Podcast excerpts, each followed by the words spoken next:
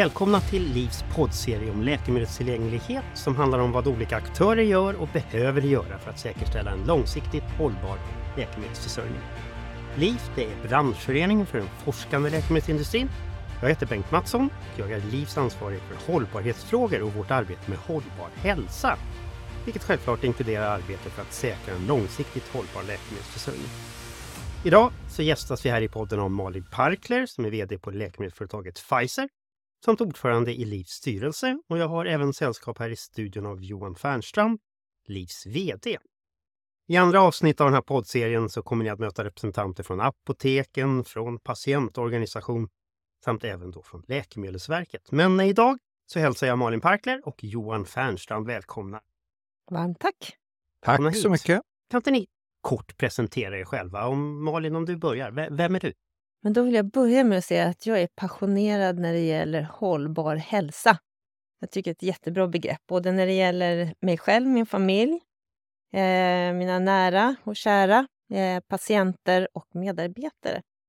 Jag har en bakgrund eh, inom folkhälsa innan jag började på Pfizer, där jag började 2002. Så jag, har ju, jag har ju lång, många år inom branschen.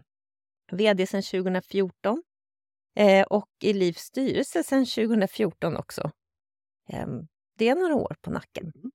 Det är bra. Då har du säkert mycket att dela med dig av i dagens samtal. Johan, vem är du då? Jag fick äran att börja som VD på LIF för ungefär sex månader eh, sedan. Innan dess så har jag jobbat med sjukvård, hälsovård och omsorgsfrågor de sista 10-15 åren eh, och brinner för själva vårdsystemet och se att det fungerar. Härligt. Jag ser fram emot det här samtalet och, och det handlar ju om rest och bristsituationer, eh, brister på läkemedel. En, en fråga som, som har uppmärksammats ganska mycket eh, senaste tiden. Eh, man kan väl säga att under pandemin så kanske diskussionen blev, blev eh, ganska, ganska publik, offentlig, även om läkemedelsrester eller bristsituationer naturligtvis har förekommit redan innan dess. Efter pandemin var överstånden så, så kanske vi trodde många att det skulle gå tillbaka till någon form av mer, mer normalläge. Sen kom eh, naturligtvis tyvärr kriget i Ukraina som har satt enorma, eh, givit enorma utmaningar på alla leverans eh, och försörjningssystem, inte bara läkemedel naturligtvis. Eh, men, men eh, att det förekommer läkemedelsbrister är som sagt var eh, väl eh, känt och, och eh, det pratas om i väldigt många olika sammanhang. Det jag är lite intresserad av här inledningsvis är ju hur ni i era respektive roller, dels då så att säga, VD på Pfizer, eh, du Malin och, och, Johan i din roll här på, på LIF. Hur, hur kommer ni i kontakt med, med eh, utmaningen kring läkemedelsbrister på liksom lite mer daglig basis? Malin, mm. om du börjar. Ja, som eh, Eh, representant för ett producerande företag så kan säga att eh, produktion, distribution och logistik är ju liksom centralt. Mm. Eh, så redan som när jag började som produktchef 2002 på Pfizer så jobbade jag redan då nära vårt logistikteam. Eftersom vi har liksom alltid jobbat aktivt med att säkerställa rätt nivåer av våra läkemedel och vacciner. Och att vara en pålitlig leverantör och se till att patienter och hälso och sjukvården har tillgång till våra mediciner och vacciner är någonting vi tar på fullaste allvar och något vi är stolta över. Eh, och det handlar ju också om att ta tillvara på eh, affären när den finns, för vår del också. Eh, och sen skulle jag också vilja säga att vi skiljer på restnotering och brist. Eh, och det tror jag att du kommer återkomma till. Men vi skiljer också på eh, det här med att rapportera eh, och att verkligen se till att patienter får tillgång till, till läkemedel. Vi, vi jobbar med att försöka se till att vi har lösningar eh, som svarar på bägge eh, av dessa aspekter. Eh, och för oss då så, så betyder inte alltid att en restnotering eller en brist eh, betyder inte alltid att patienten inte får tillgång till alternativ. ibland kan man hitta samma läkemedel med en annan förpackning. Mm. Eh, eller att ett annat företag har en likvärdig produkt. Eller att vi får tag på en förpackning från ett annat land. Eller ett företag en fosterflätt. Eh, så det räknas ju som brister, eh, men patienterna får tillgång till behandling. Och här finns det då förstås en, en administrativ bökig eh, sida för läkarna och vården Och då har vi dialog med, med dem också, för de tycker att det är väldigt eh, svårt när de inte har tillgång till det som de eh, behöver för sina patienter. Eh, alla är beroende i hela kedjan av information. Så, så man, som läkemedelsföretag får vi kontakt med alla delarna. Mm. Vi får kontakt med både internt jobbar vi ju superaktivt, men sen är det också med Läkemedelsverket jobbar vi nära eh, och med vården förstås. Och vi är ju, vad gäller den här rapporteringen så är vi liksom följsamma och rapporterar eh, noggrant all information som vi har kring brist. Eh, trolig bristsituation, eventuell bristsituation och bristsituation. Både när det gäller skälet eh, och ungefär hur lång tid eh, som vi tror vi kommer att ha en eventuell brist. Vi rapporterar eh, inte bara de produkter vi måste rapportera kring utan även de som är centralt godkända. Och det är ungefär hälften av våra produkter. Eh, och eh, vid eventuellt global bristsituation eh, så allokeras ju läkemedel till länder eh, baserat på användande. Mm. Eh, så inte någon opportunistisk allokering. Vi allokerar inte eh, efter lönsamhet. Vi allokerar efter användarmönster. Alltså hur stor andel brukar gå till Sverige, det. det. går mm. till Sverige. Så det är väl lite liksom, om hur vi, blir, hur vi är involverade och hur vi bemöter den med bristsituationen i vardagen. Tusen tack Malin! Och mycket av det du, du tog upp här kommer, kommer jag komma tillbaka till. Mm. Kanske grotta lite djupare i och, och eh, eh, den här skillnaden mellan vad ett restanmält läkemedel och, en, och de facto en brist kommer vi säkert grotta ner oss i och olika orsaker till bristsituationer och även då de åtgärder man kan vidta. Så tusen tack, mycket bra, bra inledning. Johan, hur kommer du i kontakt med den här frågan? Ja, jag tror att det var min första vecka som eh, jag var här och eh, blev varse om den mediala bilden såklart, den hade jag sett. Eh, och, då var ju restsituationen som den då delades i media och även då brist, och återkommer till det, uppe eh, och blev snabbt varse om att det här eh, är viktigt. Styrelsen var tydlig med att det här skall vi gå till botten med för att vi har intresse av att faktiskt säkerställa att både patient, läkare eh, har läkemedel tillgängligt eh, och vi behöver förstå orsak-verkan och allting sånt där. Eh, fick då äran att träffa dig Bengt och faktiskt hänga med dig ut till eh, en, en hel, fler än två handfulla företag eh, och faktiskt djupintervjua dem där de mötte oss med ja, väldig transparens skulle jag säga, var och ett för sig, men berättade hur deras kedjor såg ut och vad de gjorde som sedermera, förutom bildade mig, eh, också leder till den här typen av resonemang, men också en best practice för branschen eh, där vi delar och eh, tydliggör det. Lärde mig också att vi jobbade väldigt intensivt med Läkemedelsverket till exempel i olika fora för och även vården i ADL-delar där vi då vill tillsammans säkerställa det Malin berättade. Eh, hur gör vi då om det uppstår en, en allvarlig eller mindre allvarlig och, och brist och sådär. Sen lärde jag mig rest och brist som jag trodde då kommande från annat ställe var ungefär samma sak. I, i media var det en rätt lika sak. Men, men när vi pratar om restanmälan så lärde jag mig ganska snabbt att det är ju faktiskt branschens och Läkemedelsverkets sätt att få en tidig varning så att vi köper tid för att reagera på det sätt som Malin eh, beskrev. Mm. Och det är no, no, någonting trygghetsskapande snarare än någonting annat. Mm. Och, och eh, kan väl bygga på det på en gång. För dels att det är trygghetsskapande. Eh, som du säger, det ger en möjlighet att, att eh, förbereda, ta, vidtaga åtgärder för mm. att hantera en eventuell då rest eller brist som uppkommer. Samtidigt som, som det finns det här trygghetsskapande eller ger tid för att hantera så eh, kan det också förvisso då eh, leda till en oro att mm. det här läkemedlet, den här behandlingen kommer inte finnas tillgänglig.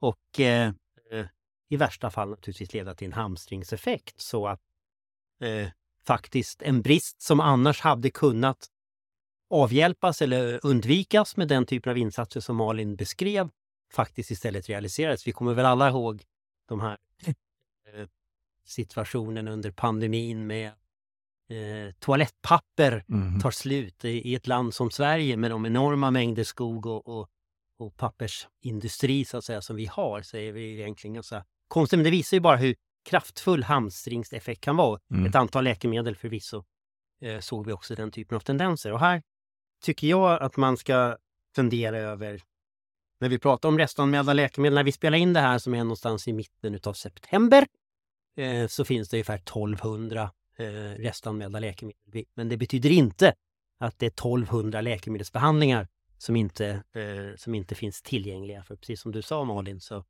så eh, helt utbytbara förpackningar från en annan leverantör eh, eller för den delen då kanske en, en annan förpackningsstorlek eller det kan även handla om en annan styrka. Att två 10 milligrammar är väl eh, istället för en 20 milligrammare eh, ger en likartad, eh, kan ge en likartad behandling.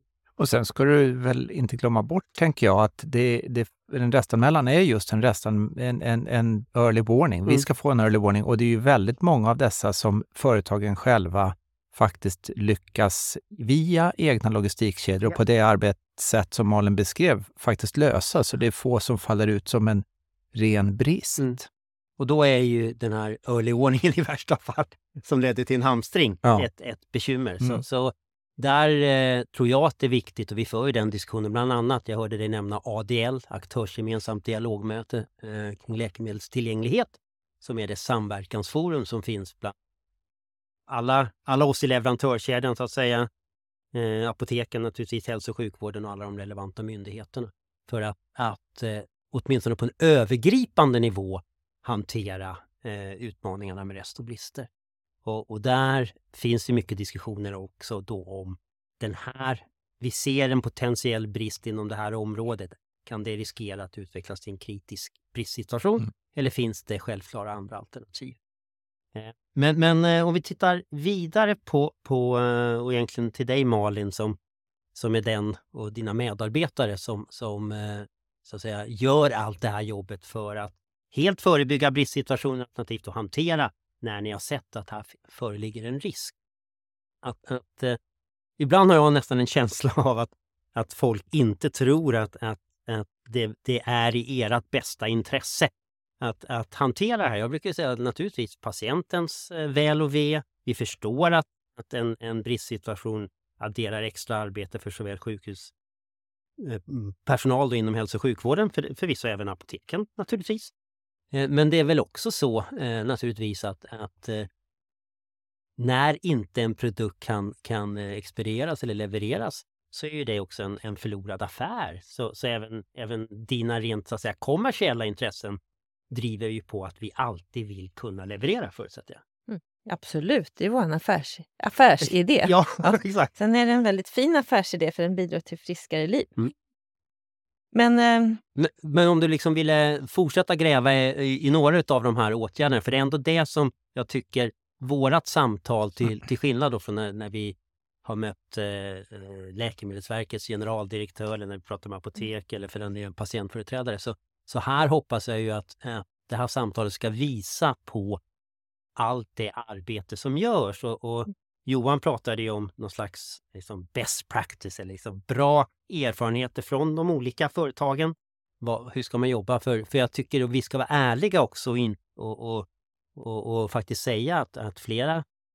Vi har ju också sett läkemedelsföretag, eh, vare sig de har varit våra medlemmar eller icke medlemmar i LIF, som då kanske inte fullt ut eh, jobbar på, på, på samma, samma grundliga sätt som det du beskriver Malin. Mm. Så, så allt det du kan göra här i podden idag och i Mhm. övrigt då eh, hjälper ju naturligtvis att sprida eh, de, de, de bästa erfarenheterna för vad, vad, är, vad är effektivt. Så, så Ja, men jag- gå gärna vidare Malin.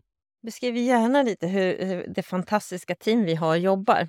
Eh, jag tänker först att jag ska ge i alla fall en, en liten bild av eh, eh, hur det ser ut rent strukturmässigt för oss, liksom, hur komplext det faktiskt är. Eh, vi har ju en organisation med 37 produktionsanläggningar idag, som är våra egna. Vi har mer än 300 kontraktstillverkare. Mm, 50 miljarder doser per år till mer än 185 länder. I Sverige så har vi 320 artiklar Eh, ungefär drygt 100 unika läkemedel och vacciner, men 320 artiklar. Det, Och när du säger artiklar där, så för våra lyssnares skull så att de förstår Förpackningar. det. Förpackningar. Ja. Det kan vara olika styrkor. olika, storlekar. Mm, olika beredningsformer och så vidare. Eh, och ungefär vår erfarenhet är att ungefär eh, hälften av de rapporterade restnoteringar vi gör blir en brist. Eh, och sen som jag nämnde tidigare så är ibland är en brist eh, betyder inte det att patienten inte får tillgång till någonting utan det är en brist av en förpackning kan det vara eh, förstås. Eh, och majoriteten blir ju lösta. Eh, så att det är både jobba med, som du var inne på, både jobba med eh, att undvika brist eh, men också med hur man hanterar bristen. Den uppkommer. Eh, I maj till exempel så hade vi 21 eh, restnoteringar. Eh, Och bara, bara, lå- låt mig vara lite noggrann där Ja. med, med semantiken. ja, Att vi kallar det för restanmälningar idag och inte restnoteringar. Ja, det är ingen Ja. fara Malin. Där, det, det hette restnoteringar tidigare, det ligger kvar i språkbruket men vi försöker alla, alla de olika aktörerna att, att eh, plantera det nya begreppet restanmälningar. restanmälningar. Vi hade eh, i maj 21 restanmälningar. Mm. Två som är på grund av utredning till nitrosamin och därmed inte tillåtna att, att tillhandahålla i Sverige.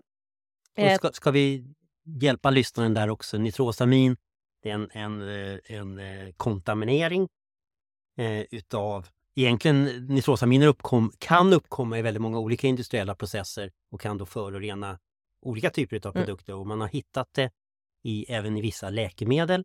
Väldigt låga nivåer. Det finns en diskussion om huruvida eh, de här nivåerna är eller inte är problematiska.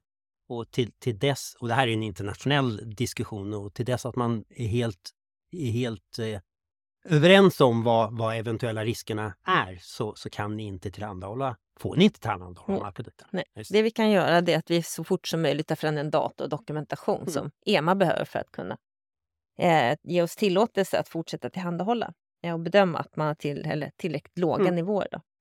Eh, I övrigt så är, är det också produkter som ligger under avregistrering eh, och eh, endast ett par medicinskt nödvändiga. Då kan man fråga, vad är medicinskt nödvändigt då? För Mm. vi tittar ju också på, förstås, i, i en värld av prioriteringar eh, och eh, alltså, hur olika stora alarmklockorna är så har vi ju de som är då eh, medicinskt nödvändiga. Vi har också något som vi kallar för never out of stock, eh, sånt som är livsuppehållande.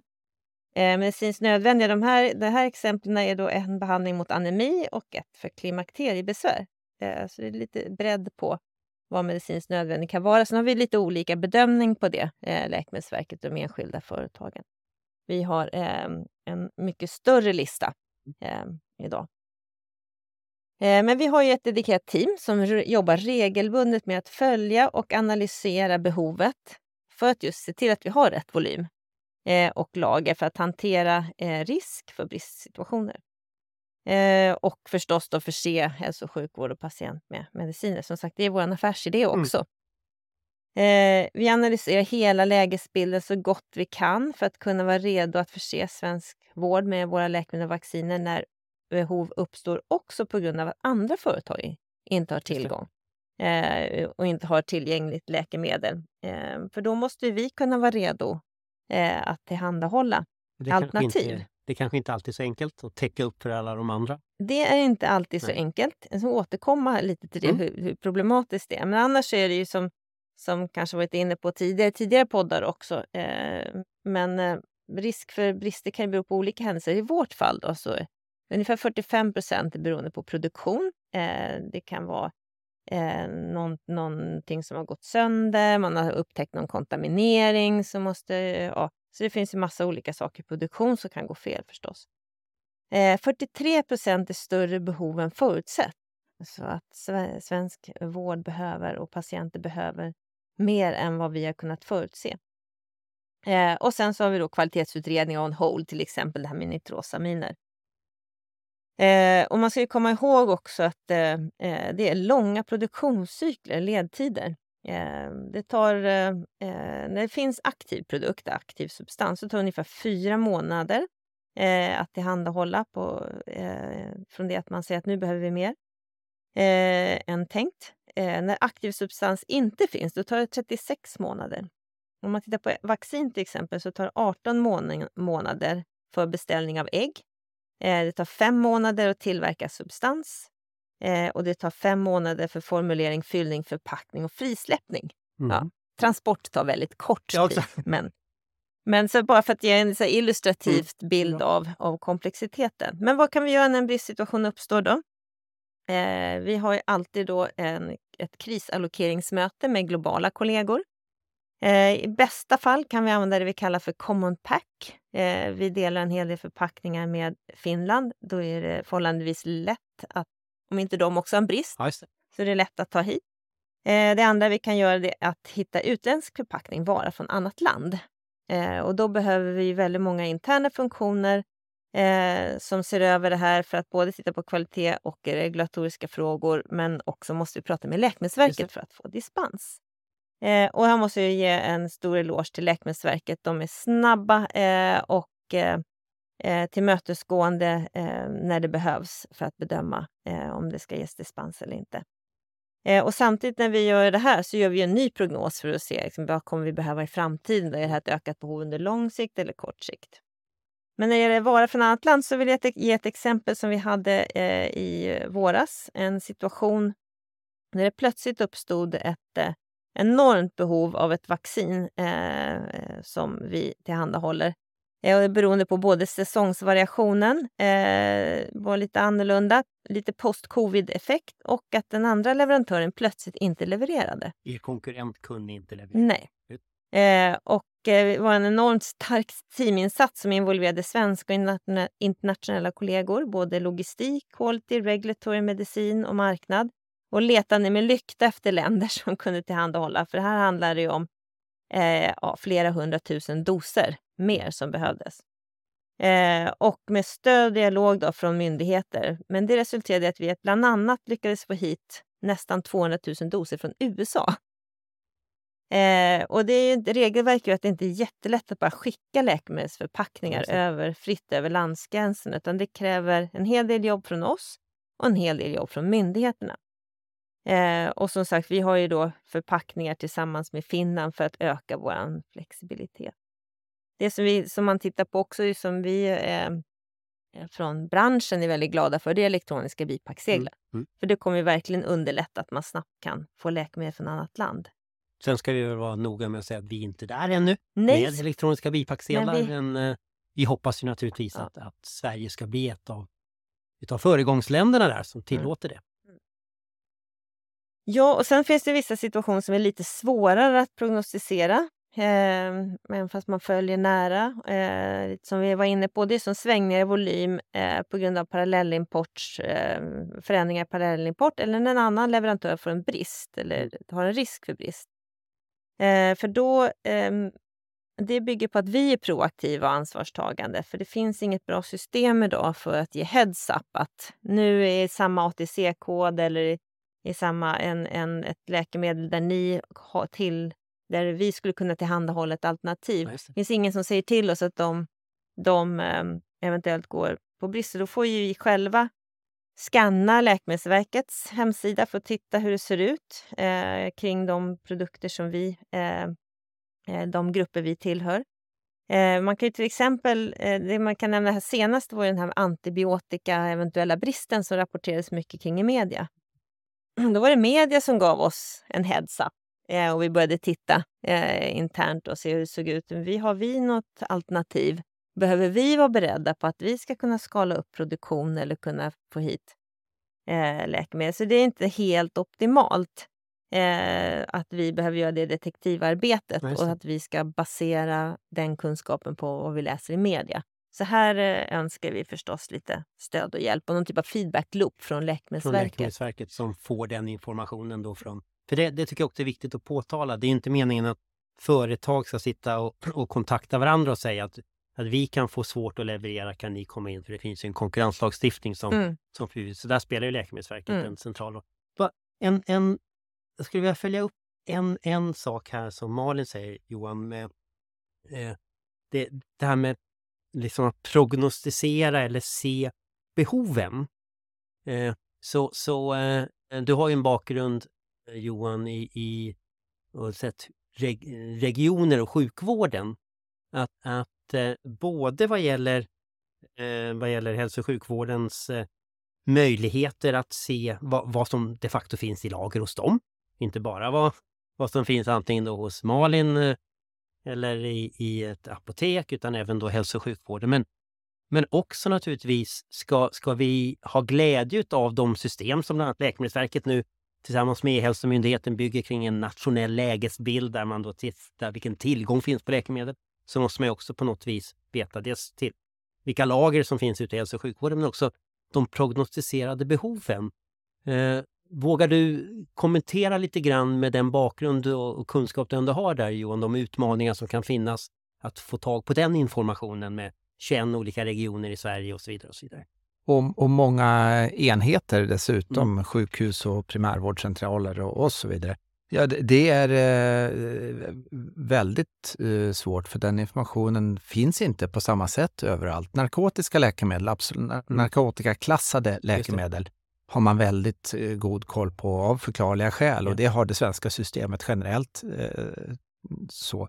Men däremot den andra delen är är svår eh, för att man bygger ofta på leveranser beroende på hur den avdelningen säger att det ska se ut framöver och fylla läkemedelsrum och, och, och mm. sådär.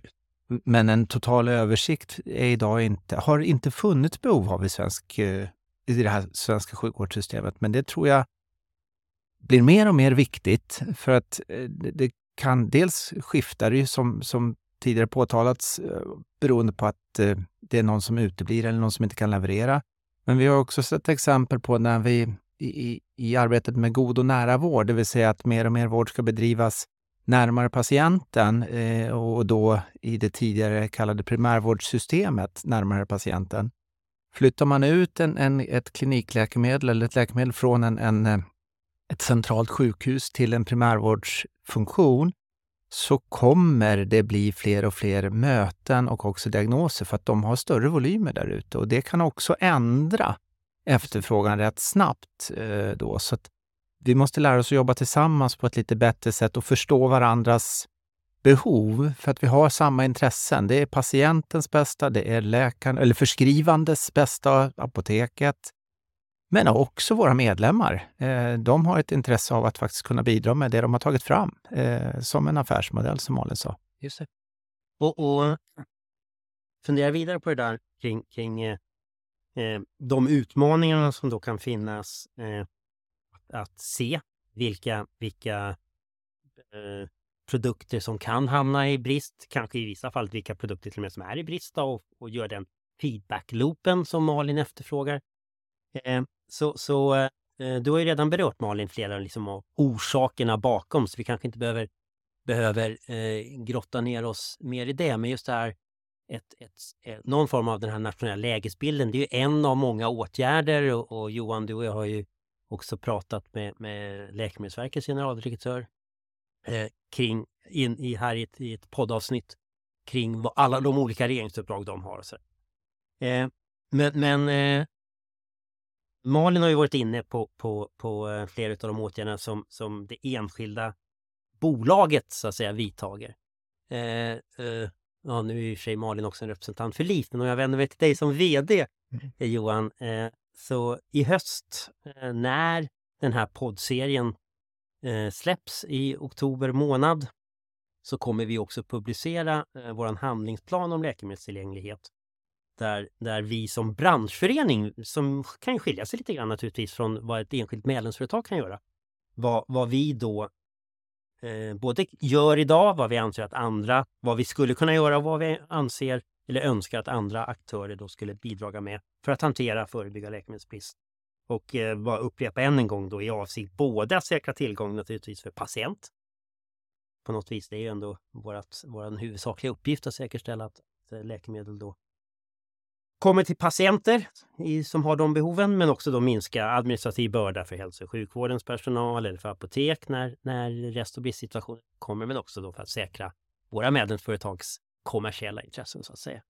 Eh, har du Johan liksom en vilja då att, att eh, nämna några av de olika eh, åtgärder som vi lyfter upp i, i den här handlingsplanen ur någon slags branschperspektiv och sen kan vi väl höra Malin antingen komplettera där lite eller till och med grotta lite ner djupare ur det enskilda bolagets perspektiv. Men om, om du representerande branschföreningen börjar med några av de åtgärder som vi lyfter i vår handlingsplan. Ja, det, det, finns ju naturliga saker att börja med där eh, efter att ha gått, eh, fått förmånen att åka med dig Bengt och det är ju att gräva där vi står. Vi, vi säkerställer att våra medlemmar får tillgång till den bästa kunskap som finns i att hur, eh, hur goda sätt att arbeta för att minimera den här typen av utmaningar. Så, så det är ju jätteviktigt och det, det förfogar vi själva att jobba med. Sen finns det ju systemfrågor och Malin lyfter en som jag tycker är jätteviktig fråga. Det är ju just den här feedbackloopen, men den bygger ju på att man också då har koll på alla läkemedel, inklusive eventuellt lagrade läkemedel på andra ställen. Det blev ju uppenbart med Propofol under pandemin. Mm. Det blev uppenbart att det saknades vaccindoser under pandemin, eller det levererades för fullt, men, mm. men det, det, var ju fortfarande för få så att säga i, i början. Och ha då koll på vad framtida förbrukning är i, efter bästa förmåga, veta vilka lager man har och kunna omdistribuera dem eller varna eller flagga för och ta kontakt med leverantörer som kan styra om sin. Det tror jag är eh, jätteviktigt för, för Sverige. Malin nämnde också en, en sväng förbi regulatorisk flexibilitet, möjligheten att nyttja, och, och där har ju Läkemedelsverket gjort det väldigt bra vad jag förstår, Malin, att uh, utnyttja till exempel andra förpackningar för andra länder och därmed godkänna dem på en snabb process så mm. man vet vad det är. Så att uh, det är ju sådana viktiga saker. Men, men sen, uh, vi har väl sagt implicit, men, men läkemedelsförsörjningen är ju en global handelskedja. Och då händer det några saker som blir viktiga att fundera på för svensk räkning och, och också jobba med. Det ena är att vi ser till att vår handel fungerar. det är ju viktigt med hamnar och, och logistik och flöden och så där så att det fungerar in till Sverige. Vi såg ju några avskräckande exempel under pandemin där det inte fungerade och, och det blev väldigt stökigt. Det andra är att vi är ju ett land då som ska verka i en sån där handelskedja som är beroende av våra valutakurser och vår inflation och massa sådana där saker. Och där myndigheterna och TLV kan väl nämnas som också gjort ett fint jobb med att diskutera höjda ersättningsnivåer när man märker att vår svenska krona har blivit för svag i förhållande till det, det landet där den produceras mm. kostnad. Alltså produktionskostnaden helt enkelt kanske överstiger vad man får betalt. Och det är ett sätt att faktiskt jobba med det, men då, då måste man jobba med lite andra verktyg än vad vi har varit van med de sista 10-15 åren där vi inte haft inflation och där vi inte haft devalverings eh, eller försvagning av kronan. Mm. Så det är viktigt. Men till syvende och sist handlar det om att samarbeta. Mm. Alltså de här olika myndigheterna med företagen och, och, och, och oss. Eh, då tror jag att det kan... Då lyckas vi nog med det här. Mm. Det tror jag. Och den samverkan, bland annat då det här ADL-nätverket som vi redan har nämnt, eh, där myndigheter som TLV som du nämnde, då, Tandvård och Läkemedelsförmånsverket som är vår mm. prismyndighet vad gäller mm. läkemedel här i Sverige. Där de då för närvarande tittar då på en justering av de här så kallade takpriserna mm. i periodens varasystemet. Malin, eh, både då som så att säga, ordförande i LIF där du då har branschhatten på dig men också som VD för ett av våra medlemsföretag. Den, den här typen av handlingsplan där vi då presenterar övergripande åtgärder som, som vi ser. Vi diskuterar orsaker bakom, vare sig det är valutaeffekter eller någonting annat. Eh, Hjälper det ett företag? Eh, jag hoppas du svarar ja på den frågan. Eh, men också hur, hur ni sen kan ta det för att grotta ner mer i detalj. För det är till syvende och sist naturligtvis ute hos er där eh, på det enskilda företaget som, som verklig skillnad kan göras snarare än hos mig och Johan. Jag måste ju säga ja, för att jag representerar ju LIFO. Nej, men det är jätteviktigt att vi också visar på det som är gemensamma faktorer mm. från företag. Då blir vi starkare och det har ju mer relevans då också. Eh, jag skulle vilja liksom komplettera eller förstärka några av de sakerna som Johan sa. Just det här med samverkan. Det är ju som sagt en, som vi alla varit inne på, det är ju en kedja. Eh, och där vi måste liksom hitta lösningar och hjälp för alla Eh, och det är väl kanske de som kommer längst bort ifrån den här, eller som tas hand om minst, det är ju faktiskt hälso och sjukvården. Eh, och de eh, har ju den frustrerande situationen av att sitta med patienten framför sig. Eh, så att eh, alla i kedjan är viktiga, för att det kommer ju alltid finnas eller uppkomma bristsituationer där vi måste hantera. Och då ska vi hantera det ihop och göra det för patientens bästa. Eh, men sen det här också med eh, vår ekonomiska situation i Sverige. Alltså det, det som det slår hårdast på, eh, som vi ser nu, det, det är ju framförallt periodens vara och mm. generika. Där generikaföretagen har också väldigt små marginaler och vi som originalproducenter eh, också till de här låga priserna. Det som blir farligt där, det är att eh, är det för lågt pris då får vi färre alternativ, eh, vilket gör att ehm, det blir mycket färre, färre leveran leverantörer, ja, leverantörer mm. samma eh, vilket faktiskt inte är så bra, för det, det, blir väldigt känsligt. Mm. Vi behöver eh, ha, ha priser som driver konkurrens, att det är fler mm. som vill komma hit. Eh, och fler aktörer får vi en stabilare marknad. Eh, så det är, är, en sak jag vill eh, betona på också. Sen ehm, det här med feedbackloopen, en del till, inte bara heads-up eller signal när det kan, när det kan uppstå ökat behov på grund av en annan eh, leverantör, utan också när den leverantören får tillbaks vara. Okay. För att annars så, så, så ser vi till att plocka hit massor av vara mm. och sen så går vården tillbaks till att använda hälso och sjukvården tillbaks till att använda den andra leverantören igen för att man köper det som är billigast i mm. Sverige. Så mm. om det är det som är, då, det, då kommer ingen köpa av det som vi har tagit hit då. Då kan vi riskera att vi behöver slänga vara och det är inte heller speciellt bra. Så det är också jätteviktigt att feedbackloopen går åt, går åt bägge håll. Eh, och så, eh, eh, så en annan sak som är jätteviktig då för att vi ska kunna hjälpas åt är att vi alla företag är duktiga på att rapportera. Vi ska rapportera transparent eh, och med så fullständig information vi kan.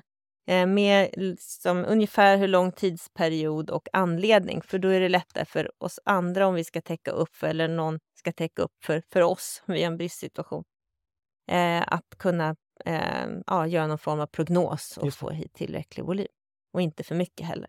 Mm. Och det där för ju mig då osökt in på, på den sista området som jag ändå ville lyfta eh, i diskussioner här. Och det är de, de omtalade sanktionsavgifterna vid sen restanmälan. Eh, och, och, jag tycker det är viktigt att, att vi är tydliga med att, att vi liksom har ingen egentligen principiell hållning emot att folk som inte följer en lagstiftning på ett eller annat sätt ska ta sig i örat, om jag lite raljant får säga så.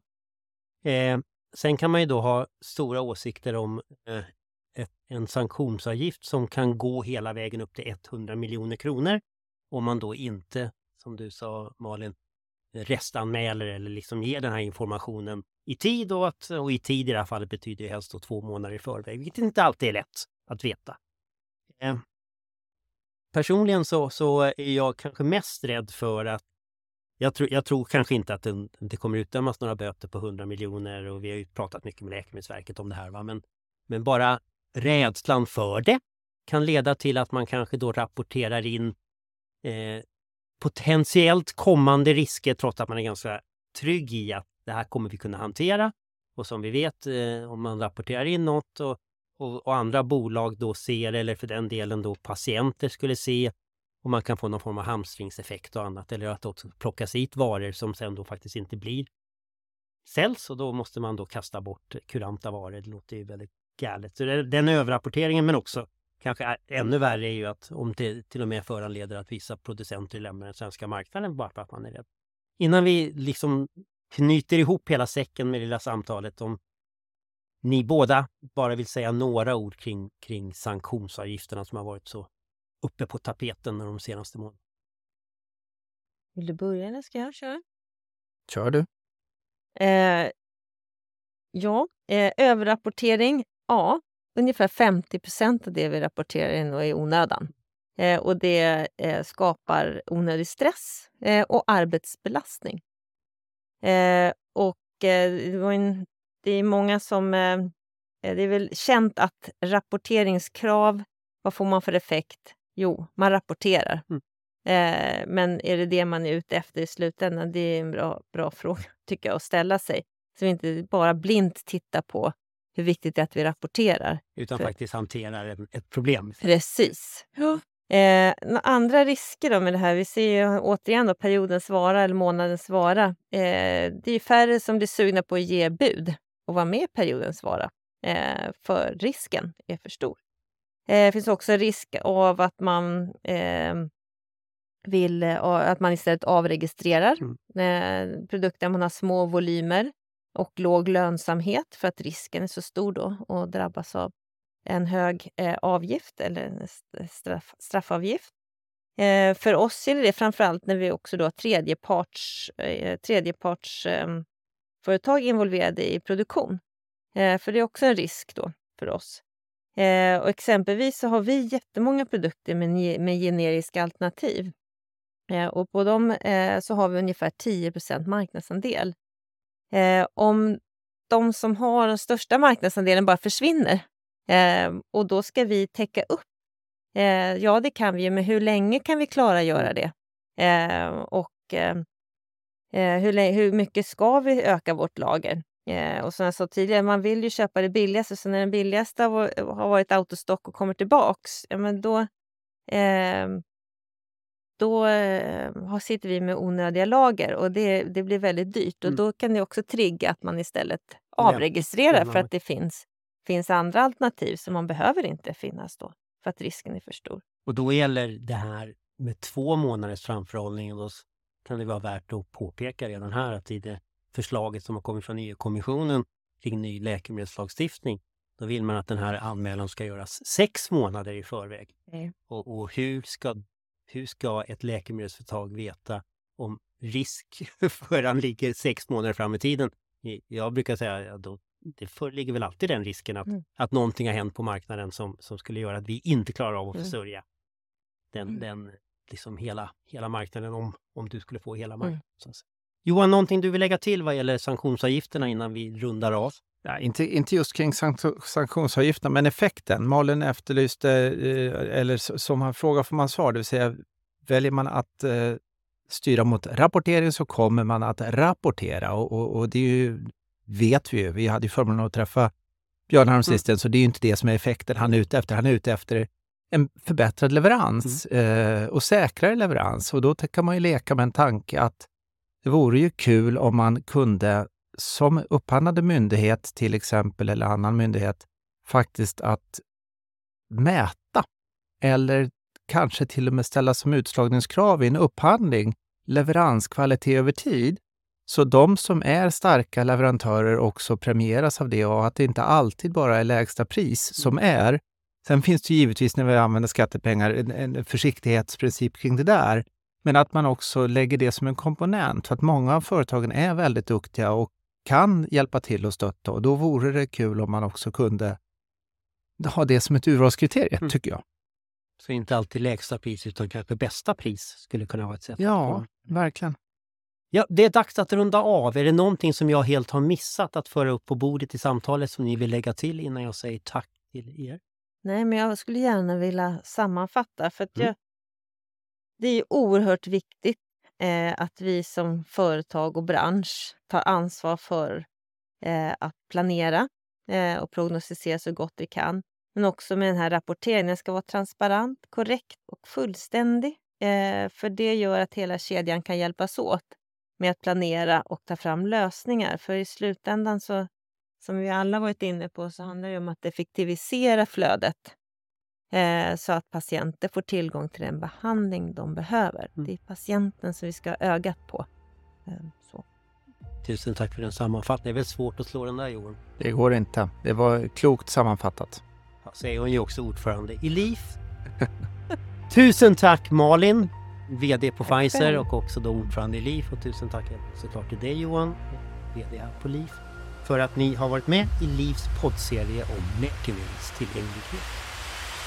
Tack.